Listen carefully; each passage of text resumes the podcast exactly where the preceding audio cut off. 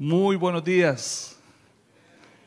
Qué rico estar aquí en casa, qué bendición poder compartir con ustedes.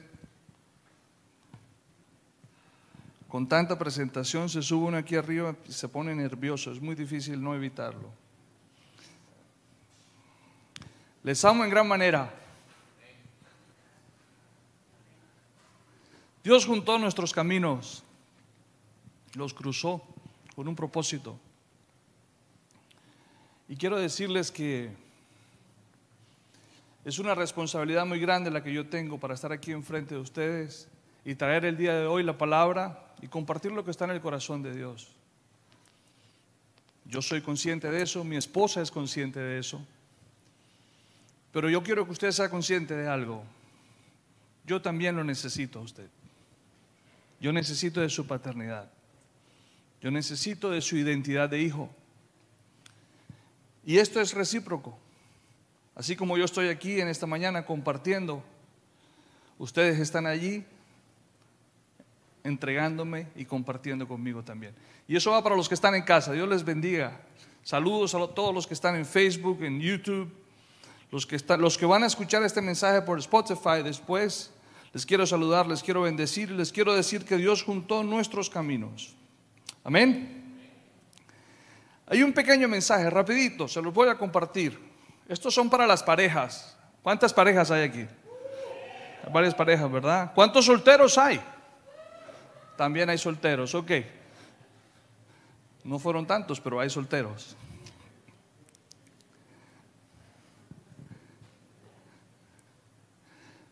A ver, sencillo.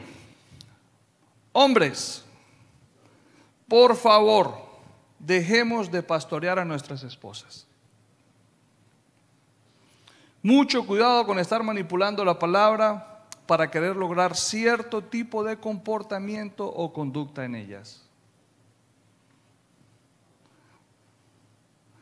Ellas, no se, ellas se casaron con el hombre que usted es. No se casaron con el pastor, que es la función que usted cumple.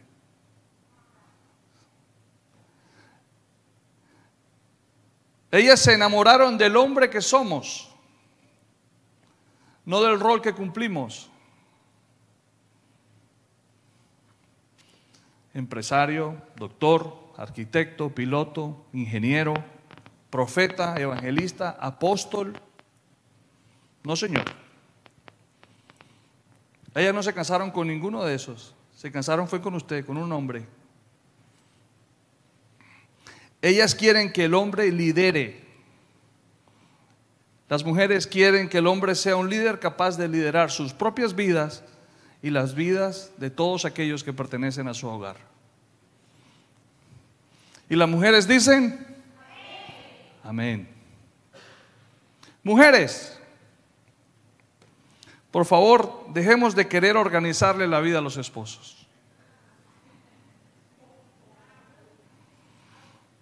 Cuando nosotros los hombres nos enamoramos de la mujer, nos enamoramos fue de la mujer, de esa mujer que se veía inteligente y que es inteligente, que refleja seguridad, que es cariñosa, que es alegre. Importante esto, que es femenina, o sea que no descuida su apariencia. Nosotros no nos enamoramos de una mamá. El diseño de Dios tiene una sola madre, no tiene dos.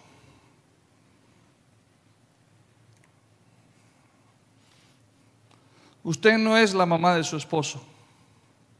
No lo mande. Si lo va a corregir, no lo haga en público. No lo avergüence. No lo regañe delante de las personas. Corríjale. Claro, necesitamos que nos corrija. Si hay alguien que nos puede corregir son las esposas. Porque nos conocen bien. Aquí hay varias mujeres riéndose, pero es verdad. Corríjanle, claro que sí, pero en privado y con amor, con palabra dulce. No le digan todo lo que tiene que hacer. De igual forma, quiero agregar, hay mujeres empresarias, hay doctoras, hay psicólogas, hay ingenieras, Hay pastoras, hay profetas, hay evangelistas. No está la pastora Claudia aquí, también hay apóstolas. Así le dicen en Colombia. Son roles que se cumplen en diferentes lugares, sobre todo esos lugares donde corresponden.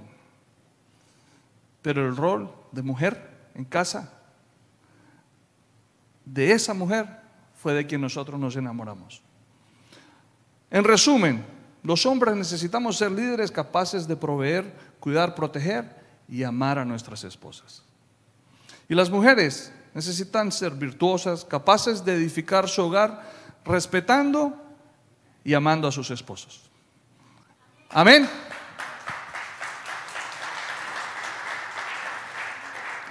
Amar es una decisión, no es una emoción. Acuérdense de eso.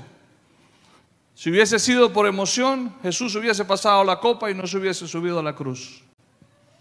Pero Jesús decidió dejar el trono. Fue una decisión y lo hizo por amor. Amar es una decisión, no es una emoción. El título de hoy, rápidamente se los comparto. Oh, llegó la apóstola. Pastora, se perdió la una pequeña, pero está bien. Después, yo sé que usted mira la prédica después. ¿Cómo está nuestro corazón? Ese es el título del día de hoy. ¿Cómo está nuestro corazón? Es una pregunta. Hoy queremos seguir y terminar con la serie Reencuentro, pero juntamente con esta serie, con esta palabra del día de hoy, queremos iniciar una nueva serie que se llama igual, ¿Cómo está nuestro corazón? A mí me gusta hacer preguntas y me decían por ahí que los títulos con preguntas se, recuerdan mejor. Vamos a hacer un ejercicio.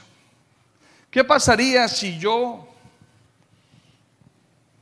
empiezo a compartir este micrófono con ustedes y ustedes me empiezan a compartir cómo está su corazón en el día de hoy, en esta temporada de su vida, en este año 2023?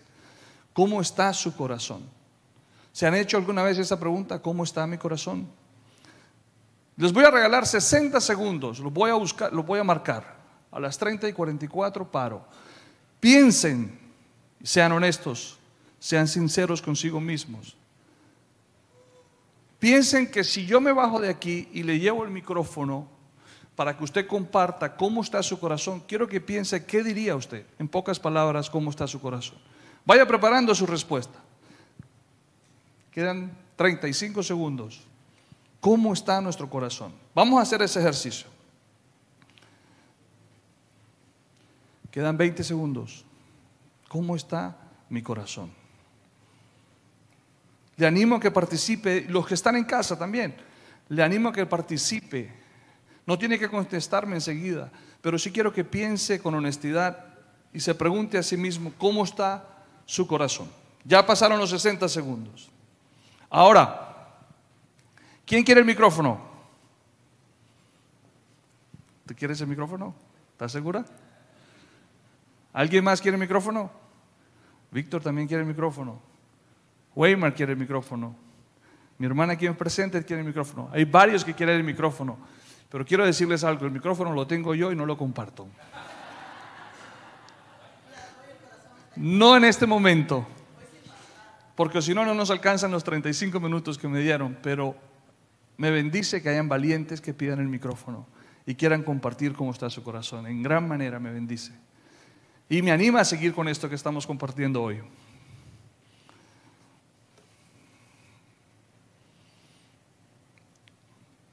Ahora, esa respuesta que usted tiene allí, que usted estaba dispuesto a compartir, les pregunto, ¿es completamente honesta? ¿O es una respuesta que usted preparó para compartir en este edificio, en este lugar, donde todos lo vamos a escuchar? ¿Es una respuesta completamente honesta o es una respuesta que usted preparó para compartir para que escuchen mis hermanos en Cristo? ¿Qué tan honesta es esa respuesta? ¿Qué tan honesta, qué tan verdad hay en toda esa respuesta? ¿Es una verdad completa o es una verdad a medias?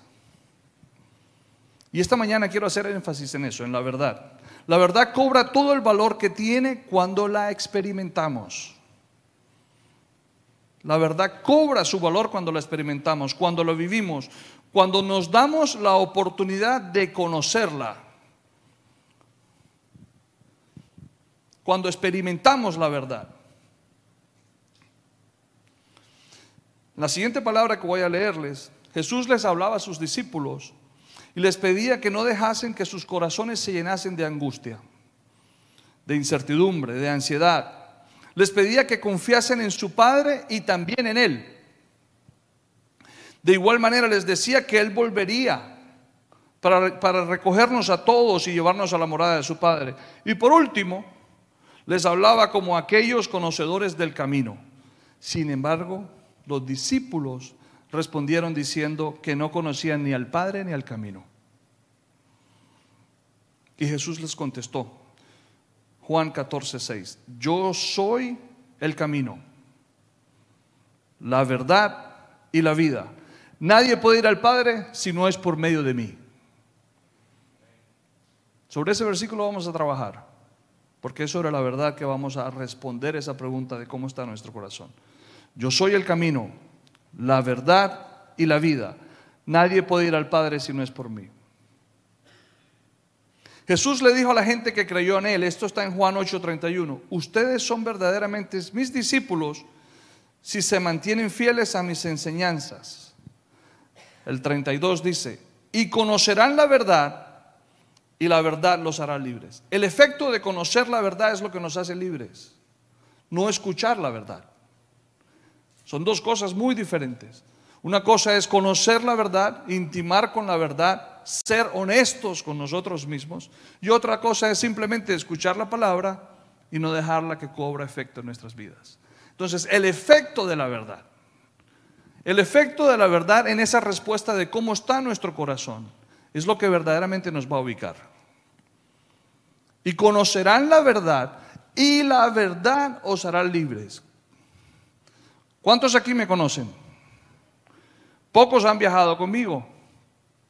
Pero los que han viajado conmigo saben que cuando llego a Colombia no pido un plato, sino dos o tres en un restaurante. Eso lo conoce el hermano René. Y me colocaron de sobrenombre Boca de Tula.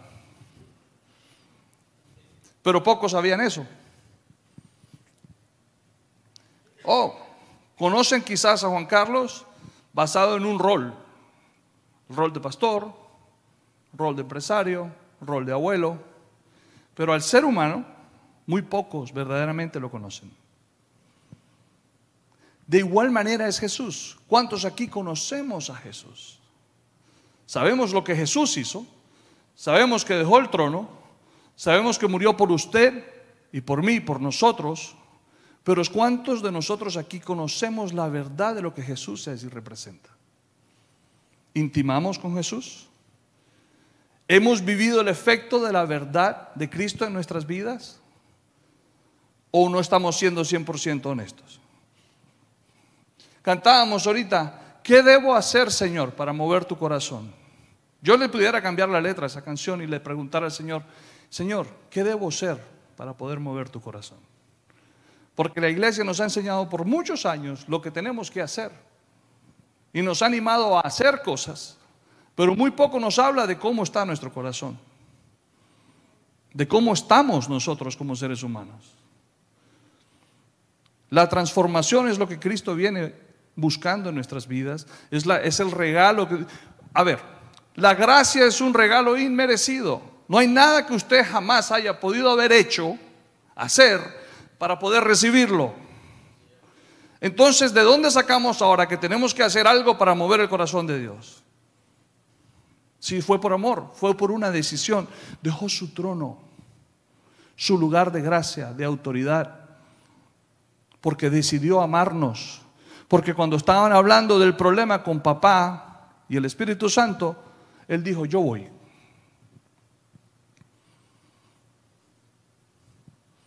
Entonces no hay nada que nosotros podamos hacer, pero sí necesitamos ser, porque eso está en el plan de Dios. Y por eso les pregunto otra vez, ¿cómo está nuestro corazón? Y conocerán la verdad y la verdad os hará libres. Les comparto una verdad. Ahora, ¿libres de qué? ¿De qué nos va a hacer libres la verdad? Del pecado.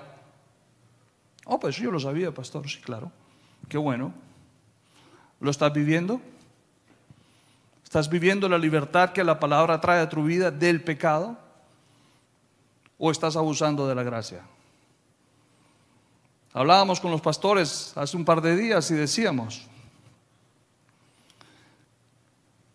la gracia sin verdad es un desorden completo. Pero la verdad sin gracia nos parte en dos. Es más, la verdad sin gracia hoy en día, ¿sabe cómo se llama? Religión. Nos condena, nos juzga. La verdad sin gracia puede llegar a ser ley. Pero la gracia y la verdad juntas es lo que verdaderamente nos da un lugar en esta vida. No pueden estar separadas. Ahora sí, nos va a librar del pecado. Ustedes lo sabían, no estoy diciendo nada nuevo. Les comparto esta verdad. Romanos 8, 15 y 16. Les leo el 15 primero. Y ustedes no han recibido un espíritu que los esclavice al miedo. ¿Usted sabe que muchas veces pecamos por miedo? Hay muchas veces que pecamos por temor. Ya lo vamos a ampliar. En cambio, recibieron al Espíritu de Dios cuando Él los adoptó como sus propios hijos.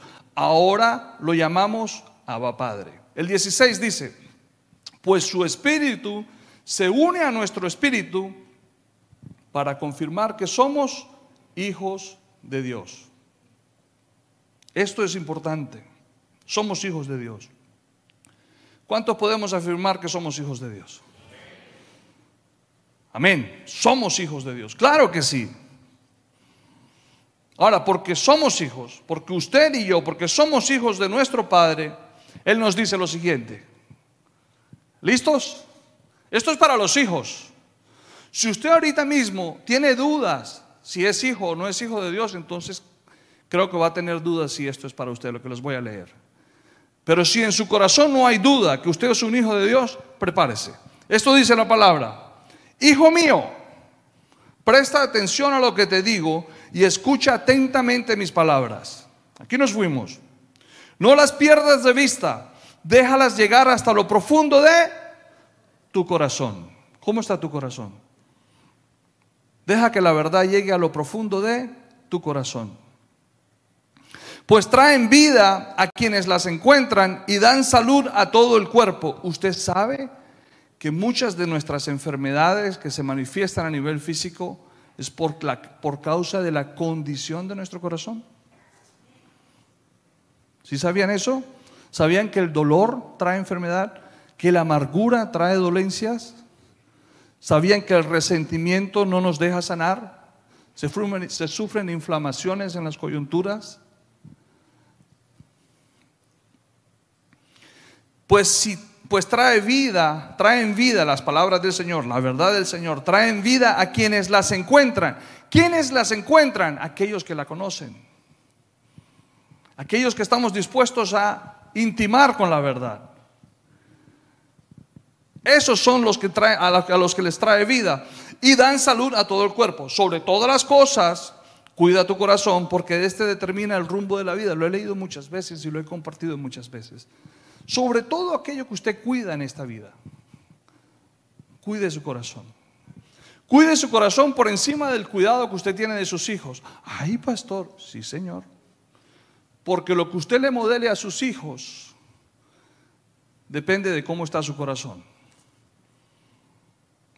O sea que es más, es más importante el corazón que sus hijos, sí. Es más importante el corazón, su corazón, que su esposo. Es mucho más importante su corazón que el de que su mamá, que su papá, que su hermano, que el trabajo. ¿Cómo está nuestro corazón? Dice, yo no lo estoy, yo no dice, sobre todas las cosas, cuida tu corazón, sobre todo lo que cuidamos, cuidemos nuestro corazón. Yo con esto pudiese cerrar hoy, pero falta mucho. Pero me gusta esa segunda parte, dice, porque este determina el rumbo de tu vida. ¿Cómo está tu corazón? Creo que estamos entrando un poquitico más, más, más y más profundo. Yo creo que varios de los que alzaron la mano quizás no están dispuestos a compartir ahorita cómo está su corazón. Y está bien, no tienen que hacerlo. ¿Cómo está tu corazón? De todo lo que cuidas, de todo lo que atesoras, lo más importante es nuestro corazón. Jeremías 17, 9 y 10. Les voy a leer algo que dice la palabra. Por eso es importante preguntarnos cómo está nuestro corazón. El corazón humano es lo más engañoso que hay y extremadamente perverso. ¿Quién realmente sabe qué tan malo es? Pero yo, el Señor, investigo todos los corazones y examino las intenciones secretas. Intenciones, no acciones. Dos cosas muy diferentes. Examino las intenciones secretas. A todos les doy la debida recompensa según lo que merecen sus acciones. Pero revisa son las intenciones. De ahí se origina la acción. Y muchos de nosotros estamos calificando la conducta, la acción del ser humano. Y muy poco pensamos en la intención de su corazón. Pero dice la palabra que el corazón del ser humano, ¿cuántos aquí somos seres humanos? Todos. Dice que es lo más engañoso que hay y extremadamente perverso. Ahora les pregunto otra vez, ¿cómo está nuestro corazón? Pero recuerden, hay que responder con honestidad. No me lo digan a mí, piénsenlo allí donde ustedes están. Si nosotros no vivimos la verdad, si no vivimos esto con honestidad, no vivimos la transformación que necesitamos. Yo necesito vivir transformación. La palabra dice que el carácter de Cristo es formado en nosotros. Dice, Pablo dice, habla de, alcanzar la estatura de Cristo. Eso es carácter. Y no hay ninguno aquí es tarea terminada. Todos estamos en el camino a alcanzar esa estatura.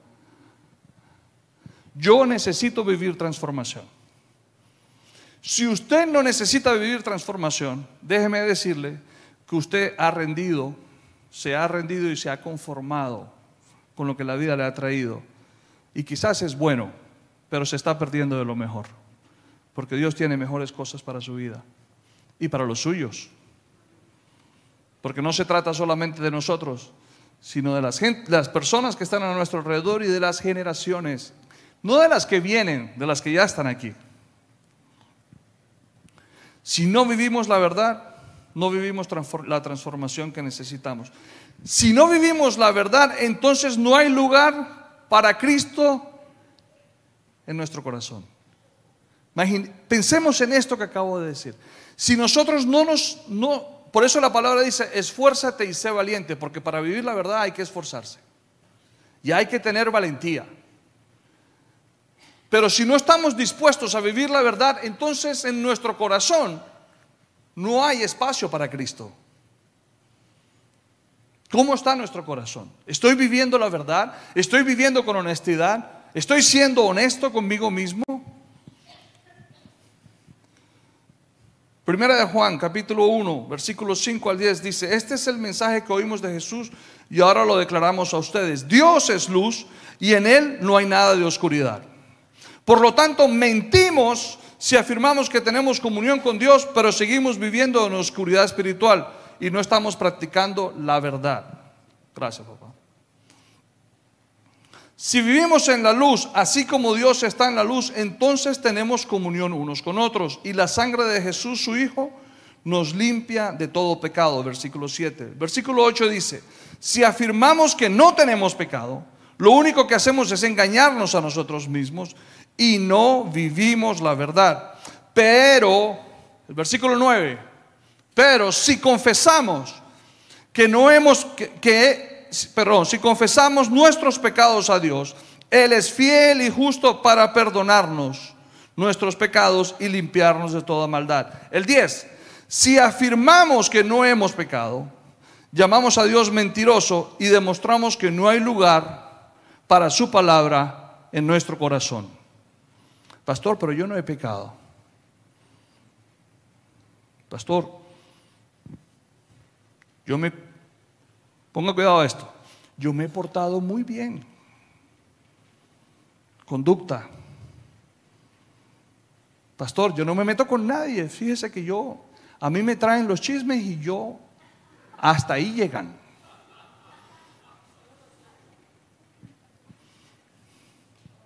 Conducta. Pastor, pero yo diezmo. ¿Estás diezmando de todo lo que llega a tu mano? ¿O solamente estás diezmando lo que las demás personas pueden contar y saber que eso es tu diezmo? ¿Estás siendo honesto? Se trata de verdad, se trata de honestidad. No de lo que los demás puedan leer y ver, sino de cómo está nuestro corazón. Por eso dije, quiero hacer énfasis en la verdad. Porque es que si no, si, yo me, me pongo aquí enfrente de ustedes y comparto esta palabra, pero no la recibimos con la verdad, con la honestidad que la necesitamos, entonces esto es un evento más. Y no se trata de eso. Se trata de que aprovechemos el tiempo al máximo. Si afirmamos que no hemos pecado, llamamos a Dios mentiroso y demostramos que no hay lugar para su palabra en nuestro corazón. Usted y yo hemos pecado, déjeme decirle. Quizás en su conducta más reciente, usted no ha encontrado pecado en usted. Pero ya vamos a ir avanzando en la palabra y yo le voy a demostrar que sí hemos pecado. Y que no podemos decir que no hemos pecado porque entonces no le estamos dando lugar a Cristo en nuestro corazón. Ok. ¿Qué oraba David con relación a su corazón? El rey David. Salmo 139, 23 dice, examíname, oh Dios, y conoce mi corazón. Pruébame y conoce los pensamientos que me inquietan. Paramos ahí, todavía no me pongan el versículo 24, quedémonos en el 23. ¿Hay alguien que puede ver los pensamientos de otra persona? ¿Cierto que no? Entonces no puedes juzgar los pensamientos de esa persona. Porque juzgamos o condenamos o hablamos o chismeamos o chambreamos de lo que vemos. Pero como no vemos los pensamientos, de eso no habla nadie. Pero David se iba hasta los pensamientos. Dice, examíname, Señor. Porque David sabía que el corazón del ser humano es engañoso y perverso. Entonces David decía, examíname. Y, oh Dios, y conoce mi corazón. O sea, por favor, porque a mí me engaña. Eso era lo que él quería decir. Este corazón que yo tengo me engaña. Por favor, conoce mi corazón. Pruébame y conoce los pensamientos que me inquietan. El 24 dice, señálame cualquier cosa en mí que te ofenda y guíame por el camino de vida eterna. Señor, revélame cómo está mi corazón. Es lo que le está diciendo. Porque si nos detenemos a querer responder el cómo está nuestro corazón basado en nuestro análisis, mucho cuidado, no se deje engañar por el corazón. Porque el Señor es el que lo conoce. No se deje engañar por el corazón porque dice que es engañoso y perverso. Entonces, como David sabía que así era su corazón, él iba a Dios y le decía, Señor, examíname y pruébame. Imagínense, no existía el Espíritu Santo de Dios. En ese entonces siempre ha existido, pero no estaba en medio nuestro. Y él se adelantó a esos tiempos y confió en el amor de Jehová, su padre, porque lo vio más que como un Dios, lo vio como su padre. Para los hijos y los padres que están aquí, si usted se para enfrente de su hijo, para las madres que están aquí, si usted se para enfrente de su hijo cara a cara, este es mi hijo, este soy yo. Si yo me paro enfrente de mi hijo, ¿hay algún espacio aquí en el medio que pueda robarme el amor de mi hijo basado en su conducta? ¿Hay algo que tu hijo pueda hacer para tú dejarlo de amar? ¿Hay algo que tu hijo pueda hacer para tú condenarlo, juzgarlo? Te podrá molestar, pero no lo dejas de amar. Eso entendió David con Jehová su padre. Se iba a molestar con él porque la fundió y varias veces. Pero empezó a orar, examíname Señor, pruébame. Y conoce los pensamientos y después le dijo, señálame cualquier cosa en mí que te ofenda y guíame por el camino de vida eterna. David entendió, David lo entendió. David entendió que la verdad para Dios no se reflejaba en lo que él hacía. La verdad para Dios estaba basada en la condición de su corazón. Lo que él hacía, ¿no? ¿Cuánto pecado vivió David? Pero no se escondió del pecado. Se arrepintió, reconoció y buscó la presencia del Señor. Y estuvo dispuesto a hacer la voluntad de Dios, lo que Dios le guiara en su corazón. Es más, la palabra dice que David tenía un corazón conforme a la voluntad del Padre. Entonces, él entendió que la verdad de su vida no estaba basada en cómo él se comportara, en cuántas viudas, a cuántas viudas él bendijera, a cuántos huérfanos él les diera casa o familia, en cuánto dinero él pudiera donar. Él entendió que la verdad de su vida, que el rumbo de su vida estaba fundamentado en cómo estaba la condición de su corazón. Entonces le pedía al Señor que le examinase y no solamente eso, que le probara. Y después le decía, déjame saber. Dime qué tengo, qué tengo que cambiar aquí. ¿Cómo está nuestro corazón? En Isaías, la palabra nos comparte lo siguiente. Así que el Señor dice, este pueblo dice que me pertenece, me honra con sus labios, pero su corazón está lejos de mí. Otra vez. La iglesia está llena y todos están diezmando y todos se saben la última alabanza y todos van a la reunión de parejas y todos van a los eventos de los niños. Dice que me pertenecen y me honran con sus labios y cantamos digno, digno, digno, santo, santo, santo pero su corazón está lejos de mí y la adoración que me dirige no es más que reglas humanas aprendidas de memoria, religión, conducta que pertenece a la cultura de una iglesia. Y esto muy poco se predica y se comparte.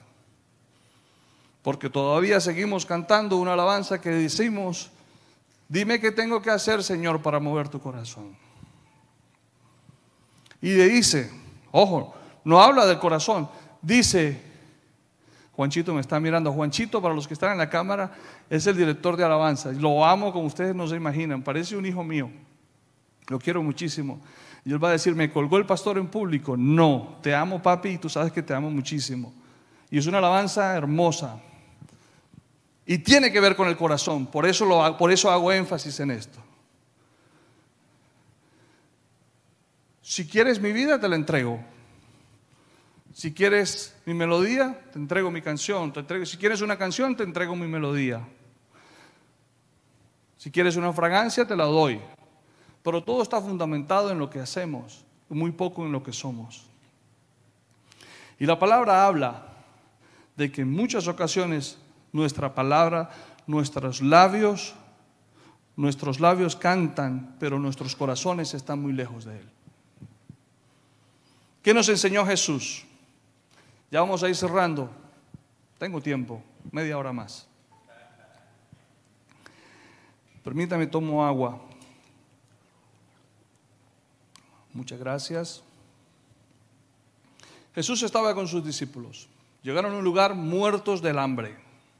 En Colombia dicen, se dice, traemos filo. No sé si usted ha conocido o ha escuchado esa expresión. Tengo filo. Si me siento, me corto, dicen uno. Así estaba Jesús con sus discípulos. Tenían filo, muertos de hambre. Y llegaron a comer. Y llegaron, la mesa estaba servida. Hicieron lo que hacemos en Colombia los niños, cuando hay una fiesta de niños en Colombia y hay una piñata. ¿Cuántos aquí saben qué es piñata? Ese muñeco que cuelgan en el medio, lo llenan de juguetes y de dulces y hay alguien que le da golpes hasta que lo rompe y cae la piñata y entonces cuando la piñata cae en el piso, todos los niños se tiran a la piñata. Y hay un dicho para los que estábamos afuera alrededor, los grandecitos, no los más pequeños, los grandecitos, yo era de los mayores, nos decíamos el uno al otro, apenas se rompa la piñata, pelea puño y patada aquí. A ver quién se lleva el mejor juguete, porque había un juguete que era el mejor juguete. Así estaban los discípulos, les sirvieron la mesa y pelea y puño y patada, ellos traían hambre. Y se sentaron a comer y entonces los fariseos empezaron a criticar a Jesús y a sus discípulos. Y les dice, ¿cómo es posible que ustedes se sienten a comer a la mesa y ni siquiera tengan el respeto de lavarse las manos según la tradición? Entonces, Jesús les explica y les dice, es lo que sale de su interior lo que los contamina. No que las manos estén sucias. Eso no nos contamina. Es lo que sale de su interior. Pues de adentro del corazón, para los que dicen que no han pecado, salen los malos pensamientos, la inmoralidad sexual, el robo, el asesinato, el adulterio, la avaricia, la perversidad el engaño, los deseos sensuales, la envidia, la calumnia, el chisme, el chambre, el orgullo y la necedad. Todas esas vilezas provienen de adentro. Esas son las que contaminan. ¿Cuántas de esas se pueden ver? Casi que ninguna. El adulterio es evidente. Pero me quiero enfocar en una, el orgullo. ¿Cuántos aquí podemos ver el orgullo en el corazón de un hermano o en sus pensamientos? ¿Cuántos aquí podemos ver la soberbia, el ego, la arrogancia? ¿Cómo está nuestro corazón? Marcos 7 del 20 al 23. Todo eso tan feo que acabo de leer sale del corazón. Imaginémonos pensemos, ¿de cuál corazón? Del corazón humano que usted y yo tenemos. De allí sale. Es perverso y es engañoso. Y solo Dios lo conoce. ¿Cómo está nuestro corazón? De adentro de nuestro corazón está todo aquello que nos contamina, que nos esclaviza al pecado. Y algo muy importante que no hablamos de ahí provienen las cosas que no se ven, entre ellas el orgullo y la soberbia. Pero como no se ven, entonces yo no digo cómo está mi corazón. Quiero cerrar. Quiero que por favor el grupo de alabanza me acompañe. Y vamos a cerrar con esa alabanza, Juanchito. Esa alabanza está bien. Tiene que ver con el corazón. De eso se trata.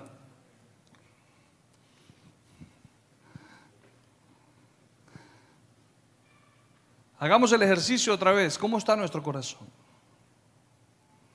30 segundos para que usted piense, 60 segundos, un minuto, dos minutos, el tiempo que usted necesite. Le prometo que no le voy a prestar el micrófono. Pero lo más importante es que usted sea honesto consigo mismo. Y se responde a esa pregunta, ¿cómo está mi corazón? ¿Cómo está mi corazón, Señor?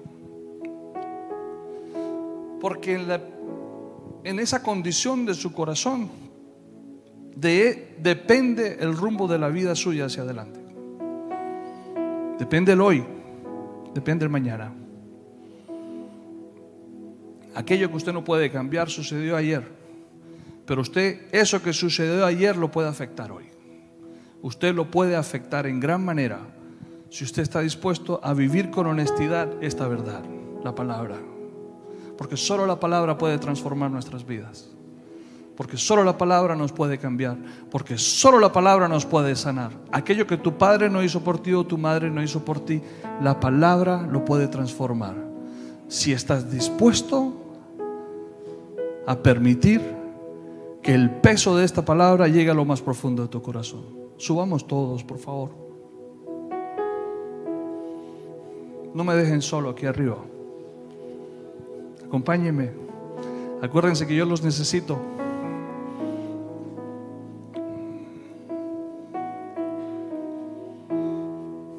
Y mucho.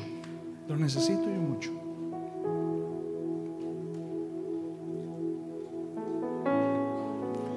La arrogancia va delante de la destrucción y la humildad precede al honor.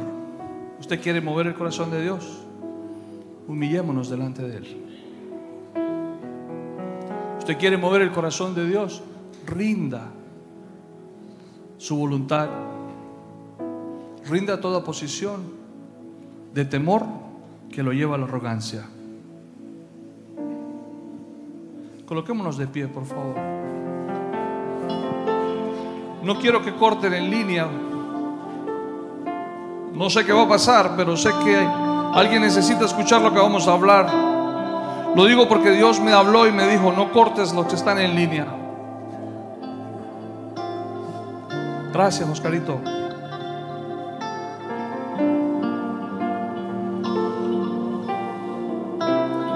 Cuando la gente nos habla del temor a Jehová, usted quiere saber qué es el temor a Jehová, yo le voy a explicar qué es el temor a Jehová. Proverbios 8:13 dice lo siguiente, todos los que temen al Señor odiarán la maldad, por eso odio el orgullo y la arrogancia. Usted quiere usted quiere vivir en temor hacia Jehová, asegúrese que en su corazón no haya orgullo y arrogancia.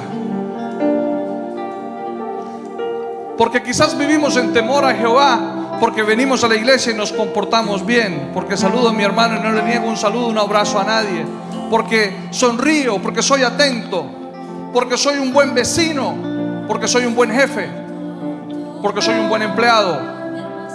Otra vez, porque, porque por todo lo como yo me comporto, pero cómo está mi corazón.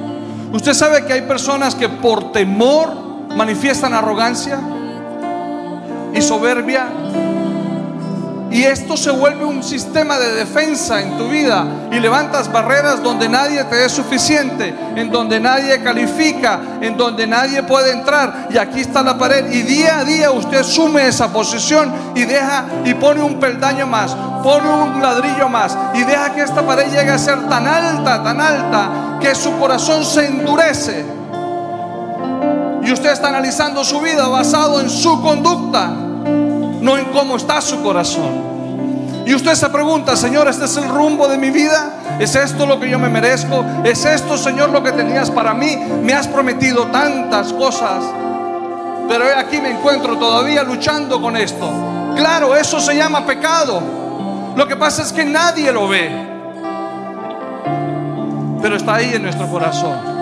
Porque el corazón nos engaña porque es perverso, pero solamente el Creador, aquel que nos diseñó, puede examinar nuestro corazón y puede transformar nuestro corazón. Que tanto lo quiero dejar que llegue y penetre ahí en mi corazón. Que tanto voy a dejar que esta palabra se profundice aquí en mi corazón. Que tan honesto voy a ser con Él. Tan honesto voy a ser con el Señor. ¿Qué debo hacer, Señor? Humillarme. Traer un corazón humilde y reconocer que he pecado, que hemos pecado. Porque cuando mi esposa me corrige y yo me molesto y grito y peleo y alzo la voz, se llama arrogancia. Porque cuando mi, cuando mi esposo me corrige y yo le saco la deuda, la factura para callarlo, se llama soberbia.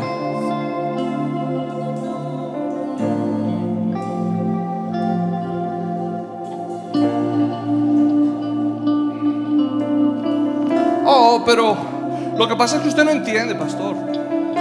Lo que a mí me hicieron, lo que yo viví, mi papá hizo esto y esto, mi mamá hizo hasta aquello y aquello. Mi jefe anterior se comportó así, así, así conmigo. Sí, eso es verdad.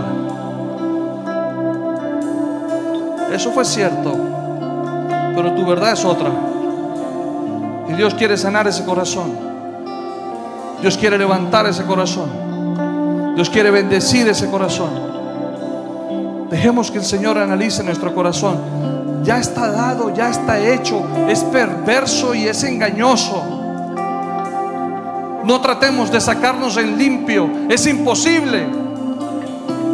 Es perverso y es engañoso. Dejemos que el Señor obre. Vamos a orar por usted en esta mañana. Por todo aquel que desee pasar aquí enfrente. Vamos a orar. Pero antes quiero orar por los que están en línea. Padre, en el nombre de Jesús, yo te presento la vida de todos aquellos, Señor, que están en línea en esta hora.